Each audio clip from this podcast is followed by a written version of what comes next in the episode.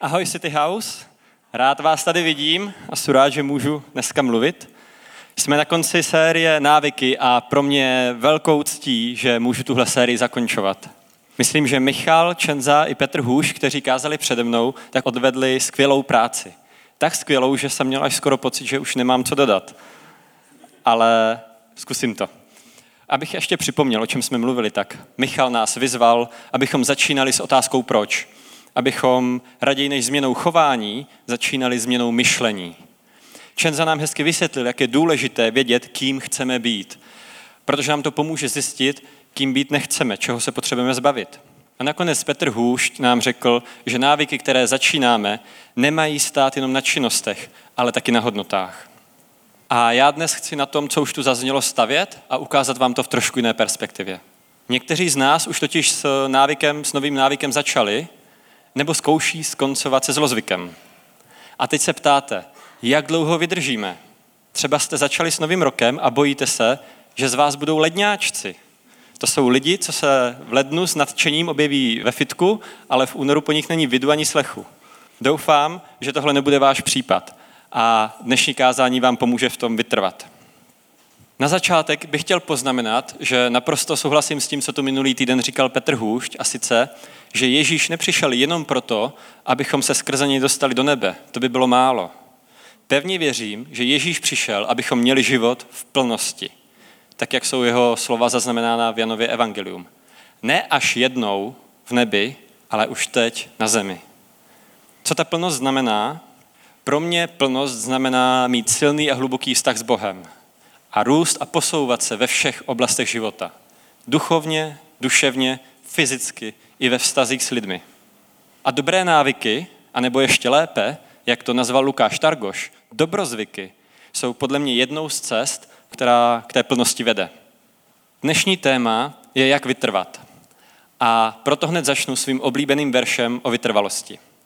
V dopise Židům v desáté kapitole autor vysvětluje, že Kristus byl poslední obětí za hřích, že už není potřeba žádných další. On nás smířil s Bohem.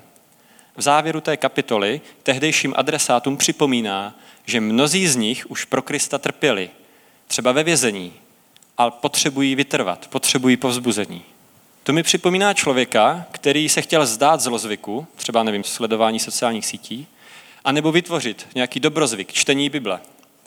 A něco ho to už stálo, už do toho investoval čas, úsilí. Jenže teď, po nějaké době, to vzdává a potřebuje povzbudit. V tom dopise Židům se píše, nezahazujte svou smělou důvěru, vždyť bude bohatě odměněna. Potřebujete však vytrvalost, abyste vykonali boží vůli a tak dosáhli zaslíbení. Bůh mě tímto veršem odpověděl před několika lety na mou modlitbu, ve které jsem se ho ptal, jestli se mám věnovat osobnímu rozvoji a leadershipu. Zda mám studovat, zda mám dělat přednášky a workshopy. Jakoby mi Bůh tímhle veršem řekl vytrvej, vykonej mou vůli a dostaneš to, co jsem ti slíbil. Život v plnosti. Ke mně nejhlasitěji ale promlouvalo to slovo vytrvej. A já jsem si tehdy řekl, že ho přijmu za své. Myslím, že to je důvod, proč zrovna dneska jsem a proč mám tohle kázání. Protože když mě Michal oslovil, tak to probíhalo zhruba takto. Kubo, chceš v lednu kázat? Ne. Na téma návyky a jak vytrvat? Jasně. Eh, dnes bych se s vámi chtěl ve třech bodech podělit o to, co jsem se o vytrvalosti za posledních pár let naučil. A pojďme do toho rovnou po hlavě, protože první bod je připrav se na selhání. Prvním krokem k vytrvalosti je podle mě připravit se na selhání, protože přesně o tom vytrvalost je umět se poprat se selháním. I když to není to první, co nás napadne, když to slovo slyšíme. Podstatu vytrvalosti podle mě vystihl apoštol Pavel ve druhém dopise do Korintu. Píše tam, ačkoliv se na nás útočí ze všech stran, přece nepodléháme. Někdy jsme bezradní a nevíme, jak dál, ale nevzdáváme se. Býváme štváni jako divoká zvěř, ale cítíme, že Bůh je při nás. Srážení k zemi, přece znovu vstáváme a jdeme dál. My, křesťani, alespoň tady v Česku, už nejsme štváni jako divoká zvěř, ale myslím, že na nás stále útočí ze všech stran. Útočí na nás reklama, útočí na nás sociální sítě, tlak vrstevníků, trendy. A přestože jsme pod útokem snadných úniků, přestože se nám nedaří, tak s Bohem máme naději. Byť se situace může zdát beznadějná, tak chceme vytrvat, protože to, za čím jdeme, za to stojí. A zde vás chci varovat před dvěma chimérami, před takovýma slepejma cestama. Tou první je to, co James Clear ve své knize Atomic Habits nazývá rovina nevyužitého potenciálu. Má tím na mysli to období mezi začátkem návyku a tím, kdy přinese své ovoce. V tom mezidobí se snažíme, ale nevidíme výsledky. A proto je jednoduchý to vzdát. Výsledky jsou totiž opožděné měřítko návyků. Trvá, než se projeví. Nejdřív se zdá, že se nic nezmění, že jste na rovině a nestoupáte. Vlastně je to jako exponenciální funkce. Začíná to pomaličku a teprve pak se to zvedne. A když vy jste v té první části, jak se vám zdá, že se to nic nezmění. Použiju příklad ze sportu, což pro ty, kteří mě znají, tak víte, jak je to neobvyklé. Pamatujete si určitě, že před dvěma lety na olympiádě eh, v Koreji vyhrála Ester Ledecká eh, na lyžích a na snowboardu. A všichni jsme viděli ten zlomový den, titulky toho byly plný v novinách, poštěli se prostě záznamy toho, jak tomu nemohli uvěřit ani ti zahraniční komentátoři. No, vtip je v tom, že nikdo jsme se nedívali na to, že ona odmala trávila celou zimu vždycky ve špindlu. Já jsem četl rozhovor s jejím uh, taťkem, Jankem Ledeckým, a ten to říkal, jakmile napadl sníh, odjeli jsme z Prahy do Špindlu a byli jsme tam celou zimu, aby ona mohla jezdit. A my vidíme ten překotný výsledek, ale nevidíme ty roky, snahy, nevidíme, když ta exponenciální funkce rostla pomalu. Druhá slepá ulička, před kterou vás chci varovat, druhá chiméra, je srovnání se svým ideálním budoucím já místo mého reálného minulého já. Představte si, že se rozhodnete vytvořit návyk čtení Bible. Vaše ideální já si pak každý den čte Bibli. Začnete, dva týdny se vám to daří, ale pak najednou selžete. Třetí týden nečtete každý den, ale jenom čtyřikrát, ten další třikrát, no a nakonec přestanete úplně, protože si vyhodnotíte, že jste selhali a jste demotivovaní. Naše myšlení má totiž tendenci zveličovat selhání a ignorovat to, co se nám povedlo. To považujeme za samozřejmý. Srovnáváme své aktuální já s ideálním budoucím já. Naše ideální já čte sedmkrát týdně. Ve skutečnosti jsme četli jenom čtyřikrát a to je málo a tak jsme selhali. Ale já jsem přesvědčen, že je mnohem lepší srovnávat své aktuální já s tím minulým. Moje minulé já nečetlo vůbec, moje současné četlo čtyřikrát. To zlepšení je mnohem víc viditelné a to nás motivuje. To je první bod. Dát si pozor na tu rovinu, kdy investujeme do toho návyku, ale ještě nepřináší ovoce a srovnávat se s tím minulým já, ne s tím budoucím ideálním. V druhém bodě navážu na Michala, který ve svém kázání zmiňoval verš z dopisu Židům 5.14. Ti, kdo na základě zkušenosti dovedou smysly rozeznat dobré od zlého, jsou dospělí a pronikají k jádru věci. Pojďme se teď podívat na jeden koncept, který nám pomůže dostat se k jádru věci, pokud jde o návyky, a pomůže nám porozumět našim zkušenostem, nahlédnout je v jiném světle.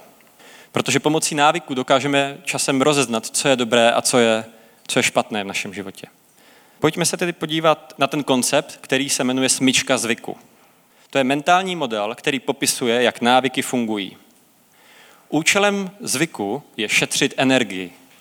Mozek se s pomocí zvyků snaží snížit spotřebu tím, že když se dostaneme do situace, která se neustále opakuje, tak už nepotřebuje plnou pozornost.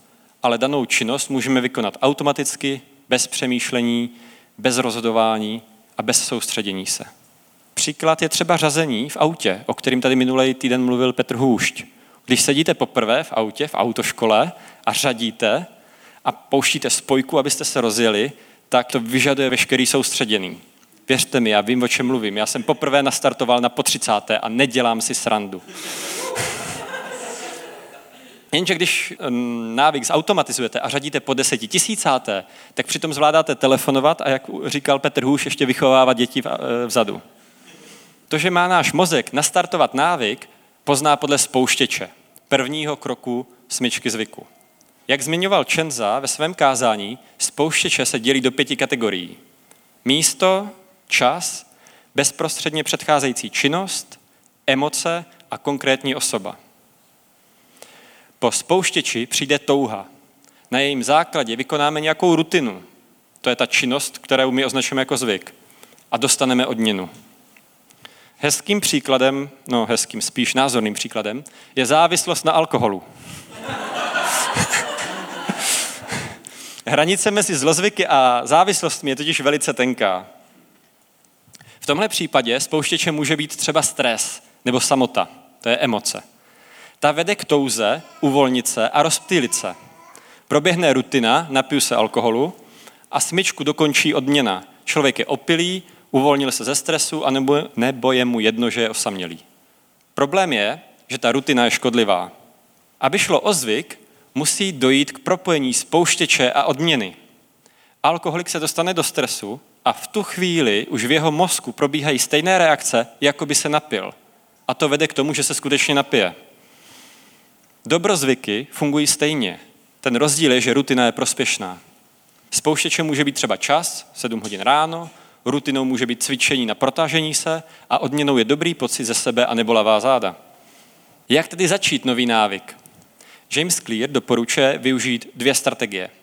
První z nich se jmenuje záměrná implementace a druhá zapřažení návyků. Záměrná implementace staví na dvou nejčastějších spouštěčích, na místě a na čase. Síla té strategii je v jasnosti. Aby fungovala, musíte být naprosto jasní a konkrétní. Protože my při začínání nových návyků jsme často vágní a obecní a tím si sami hážeme klacky pod nohy. Řekneme, že chceme pravidelně cvičit, nebo že chceme každé ráno číst Bibli. Jenže takové návyky jsou příliš obecné. Před jejich naplněním stojí ještě spousta rozhodnutí. Které dny budu cvičit? Budu cvičit ráno nebo večer? A venku, ve fitku nebo o, doma? Budu číst Bibli ráno u stolu nebo po probuzení hned v posteli? Chcete-li zvýšit šanci návyku na úspěch, buďte naprosto jasní a konkrétní v tom, kdy a kde se má odehrát. Budu cvičit každé pondělí, středu, pátek v pět hodin odpoledne na workoutovém hřišti. Budu si číst Bibli ráno po vyčištění zubů u stolu v kuchyni. To je záměrná implementace. Teď se podíváme na zapřažení návyků. A vlastně jsem ho už naznačil. Ony jdou tyhle dvě strategie totiž dobře kombinovat. To zapřažení návyků vlastně znamená, že použijete nějaký jiný existující návyk jako spouštěč a ten nový zapřáhnete za ten existující. Čtu ráno Bibli po vyčištění zubů. Když Čenza přijde domů, tak za zvyk pověšení bundy a odložení batohu zapřáhl dobrozvyk, že jde za svou dcerou Amy. Mě asi před čtyřmi lety začaly bolet záda, tady dole na bedrech. A byl jsem na sérii vyšetření, samozřejmě jsem se bál, jestli není něco s ledvinama. A všechny ty vyšetření byly negativní. A nakonec jsme s doktorkou dospěli, že za to můžou kliky. Já jsem totiž dělal kliky, ale nedělal jsem žádný jiný cviky. Takže mě začaly bolet záda a doktorka mě ukázala asi devět cviků na to, abych se ráno vždycky protáhnul a posílil záda. A řekla mi, že mám cvičit každý den. Dovedete si představit, co následovalo. První zhruba dva, tři týdny, čtyři týdny jsem cvičil každý den bez problémů, než ta bolest ustoupila. A pak to začalo jít z kopce a během zkoušku jsem přestal úplně. Dnes, o čtyři roky později, ale můžu říct, že už asi tři roky cvičím pravidelně. Zhruba dva, tak 25 dní v měsíci. A považuji to za úspěch, protože jsem připraven na občasné selhání. Co mi pomohlo si cvičení na protažení vytvořit návyk? Záměrná implementace a zapřažení e, zvyků. Začal jsem cvičit vždy ráno hned po vyčištění zubů. Často se mi dokonce stane, že se přistihnu, jak jdu z koupelny, roztáhnu karimatku, lehnu si na ní a teprve v tu chvíli si uvědomím, že začínám cvičit. Je to prostě automatický. Ten dobrozvyk cvičení jsem zapřáhl za předcházející činnost, čištění zubů, a místo a čas je taky jasný. Kolem tři čtvrtě na sedm, u mě na bytě. To místo je důležitý, protože když nejsem u sebe na mytě, ale třeba, nevím, jsou někde pryč nebo jsou u rodičů, tak vnímám, že tam jako musím do toho investovat trošku vůle, že se musím ještě rozhodnout a opřinutit k té józe. No, právě to vynechání, jak jsem říkal, že cvičím tak 25krát v měsíci, připadá na vrub návštěvám u rodičů. Dejte si ale pozor, návyk znamená, že ta rutina čtení Bible, cvičení, má nastat vždy, když přijde spouštěč. Pokud chcete běhat jednou týdně, nemůžete si říkat po tom, co ráno vstanu, ale třeba každou sobotu, když vstanu vytáhněte si teď prosím mobily nebo poznámkové bloky a vyberte si jeden dobrozvyk, který si chcete vybudovat. A buď si řeknete zcela konkrétní místo a čas, kdy jej budete dělat, třeba každý večer v 9 hodin u stolu, nebo si jej zapřáhněte za existující návyk, třeba vyčištění zubů. Napište si třeba, v 9 večer si sednu ke stolu a udělám zápis do deníku. Nebo každé ráno po vyčištění zubů si přeštu jednu kapitolu Bible v kuchyni u stolu. To byly dobrozvyky. Místo a čas a zapřáhnout je. Co zlozvyky? Už jsem tu použil příklad o závislosti na alkoholu a také u něj zůstaneme, protože ten příklad jsem použil záměrně. Mnozí z vás už slyšeli o organizaci, která se jmenuje AA, neboli Anonymní alkoholici. V anglosaském světě jde o velmi známou organizaci. Charles Duhigg, autor knihy Síla zvyku, označil tuto organizaci za největší a pravděpodobně nejúspěšnější organizaci, jejíž cílem je změna zvyků, ale to konkrétně zlozvyku alkoholismu. Anonymní alkoholici byli založeni ve 30. letech minulého století v Americe Billem Wilsonem. To byl obyčejný člověk, ke kterému život nebyl příliš milostiv. On si prošel první světovou válkou, pak prodělal peníze ve velké hospodářské krizi a nakonec se mu rozpadla rodina. A on se naučil svý problémy léčit alkoholem. Uprostřed 30. let se ale byl potkal se svým starým známým, který taky býval alkoholik, ale teď byl střízlivý. A když se ho byl zeptal, co mu pomohlo, tak mu ten kamarád odpověděl, že mu pomohl Bůh. A byl si o něm myslel, že stvoknul. O měsíc později se ale přihlásil na léčení ze závislosti na alkoholu. A v léčebně mu podávali halucinogenní drogu beladonu. Ta, je, vzniká, ta se vyrábí z rulíku zlomocného. Po několika dnech v halucinacích a nesnesitelných bolestech to Bill Wilson vzdal a vykřikl do prázdné místnosti. Jestli ze si Bože, ukaž se mi. Wilson později napsal, že místnost naplnilo světlo. Bolest ustala a cítil se, jako by stál na vrcholku hory, kde vál, nikoli vítr, ale duch. A pak si uvědomil, že je od svého zlozvyku svobodný. Až do své smrti o 36 let později nepožil alkohol. A svůj čas věnoval založení a rozvoji anonymních alkoholiků. Lidé, kteří se do tohoto programu zapojí, musí projít 12 kroky. Patří mezi ní například to přiznat si, že jsem podlehl alkoholu a že můj život se stal neudržitelným, a nebo taky přiznat Bohu, sobě a dalšímu člověku, co přesně jsme udělali špatně. V podstatě musíte identifikovat své spouštěče a své rutiny. Z těch sedmi návyků, z těch sedmi kroků anonymních alkoholiků, 12 z nich, sedm z těch 12, zmiňují přímo Boha a spiritualitu. Dlouho se mělo za to, že nemají nic společného s vědou. Kvůli tomu, a navíc kvůli důrazu na anonymitu, se tato organizace vzpírala eh, pochopení a studiu ze strany vědy. Někteří zašli tak daleko, že anonymní alkoholiky označili za sektu. Časem však ale došlo ke změně. Byl to třeba i příchod toho konceptu smyčky zvyků, co vrhl více světla na to, jak anonymní alkoholici fungují. Návyky totiž prakticky nelze zrušit. Jakmile už nějaký návyk máte, je skoro nemožný se ho zbavit, ale jde ho změnit. A přesně to dělají anonymní alkoholici. Ten spouštěč zůstává stejný. Stres, samota. I ta touha a odměna zůstávají stejné. Úleva. Co se mění, je ta rutina. Místo lahve vodky se anonymní alkoholik vypovídá buď to na setkání anonymních alkoholiků, anebo požádá o pomoc svého sponzora. Sponzor není ten, kdo mu platí účty, ale ten, kdo se rozhodl, že mu pomůže, protože 12. krok anonymních alkoholiků je pomoci někomu jinému. Anonymní alkoholici tady zkrátka učí své účastníky, aby řešili problémy jiným způsobem, aby nahrazovali tu rutinu, aby se neutápěli v alkoholu. Jak se tedy zbavit zlozvyků? Ideální je odstranit spouštěč. Jíte příliš sladkého, tak si ho nekupujte a když jdete do supermarketu, vyhněte se té uličce úplně. Třeba začněte chodit do jiného supermarketu, kde nevíte, kde ta ulička je. Protože co není v lednici, anebo ve spíži, to nesníte. Jenže některým spouštěčům se vyhnout nelze třeba stresujícím životním událostem.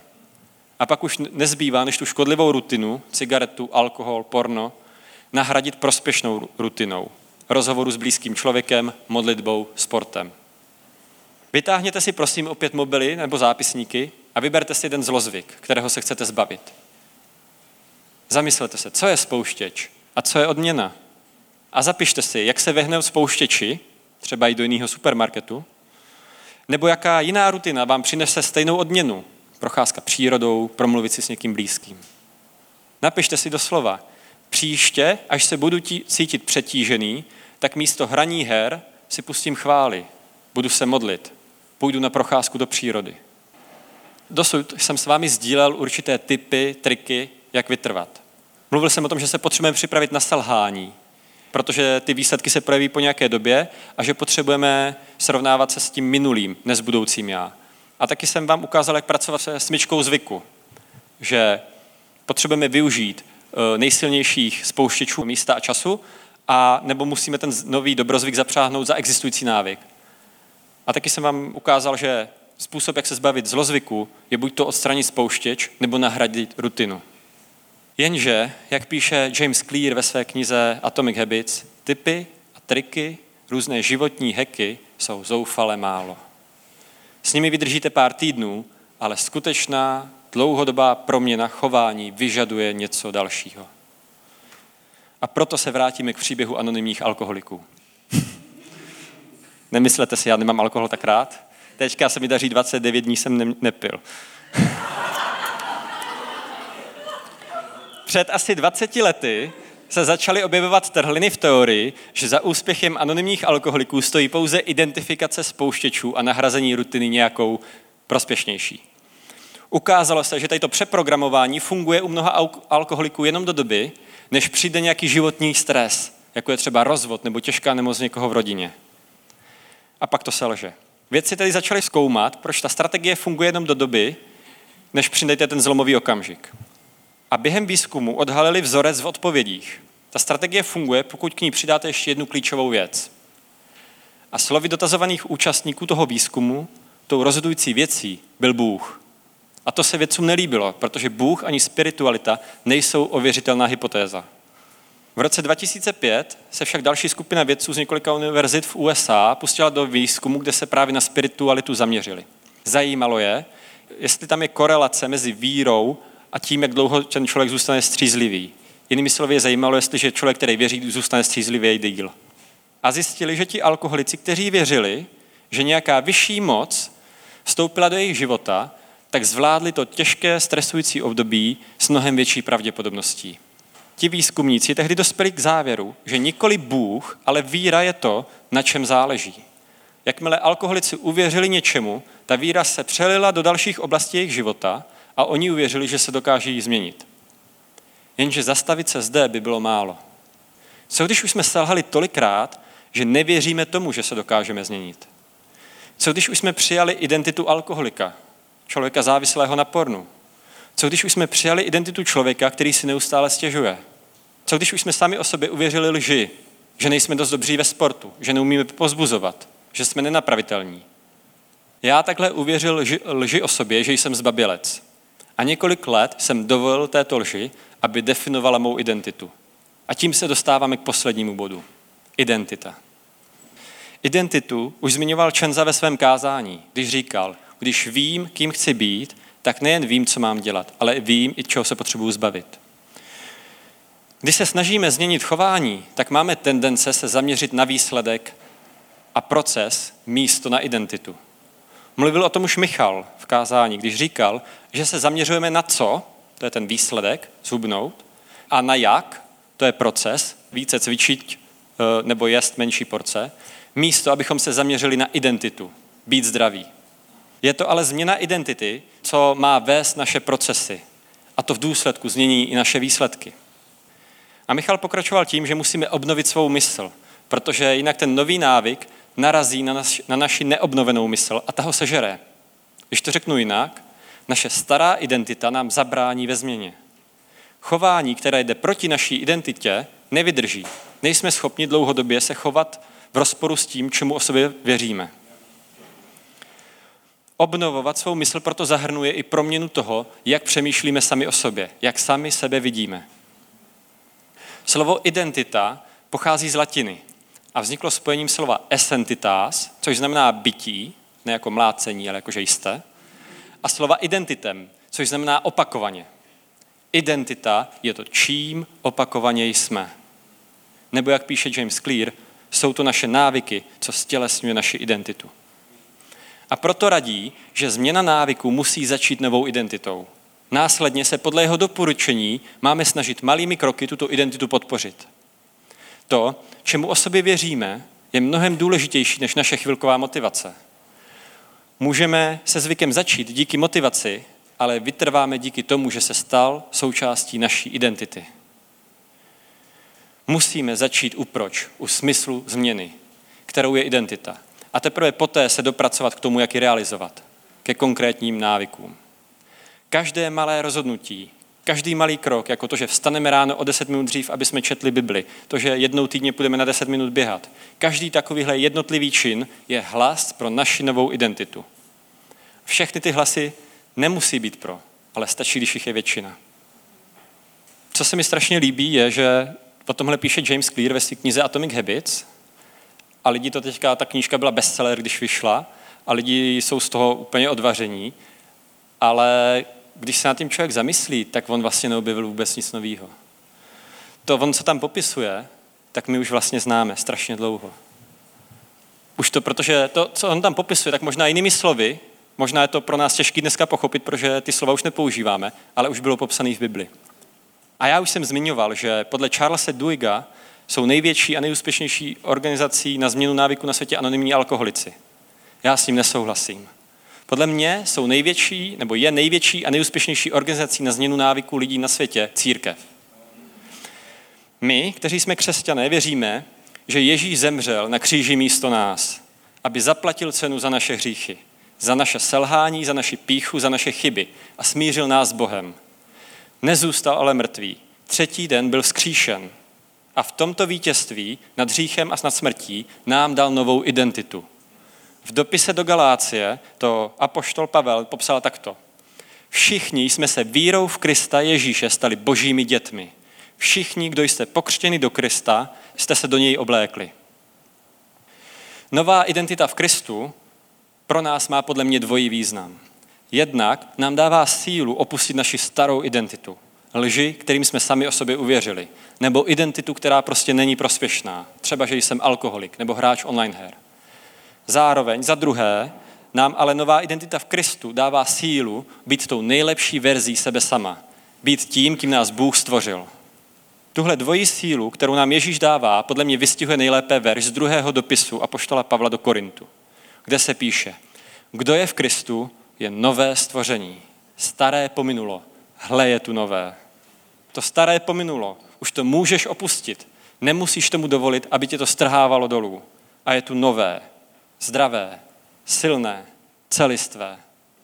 V Bibli, v dopisech Římanům, v dopise do Kolos a v dopise do Efezu použil Pavel strašně zajímavý slovní obrat.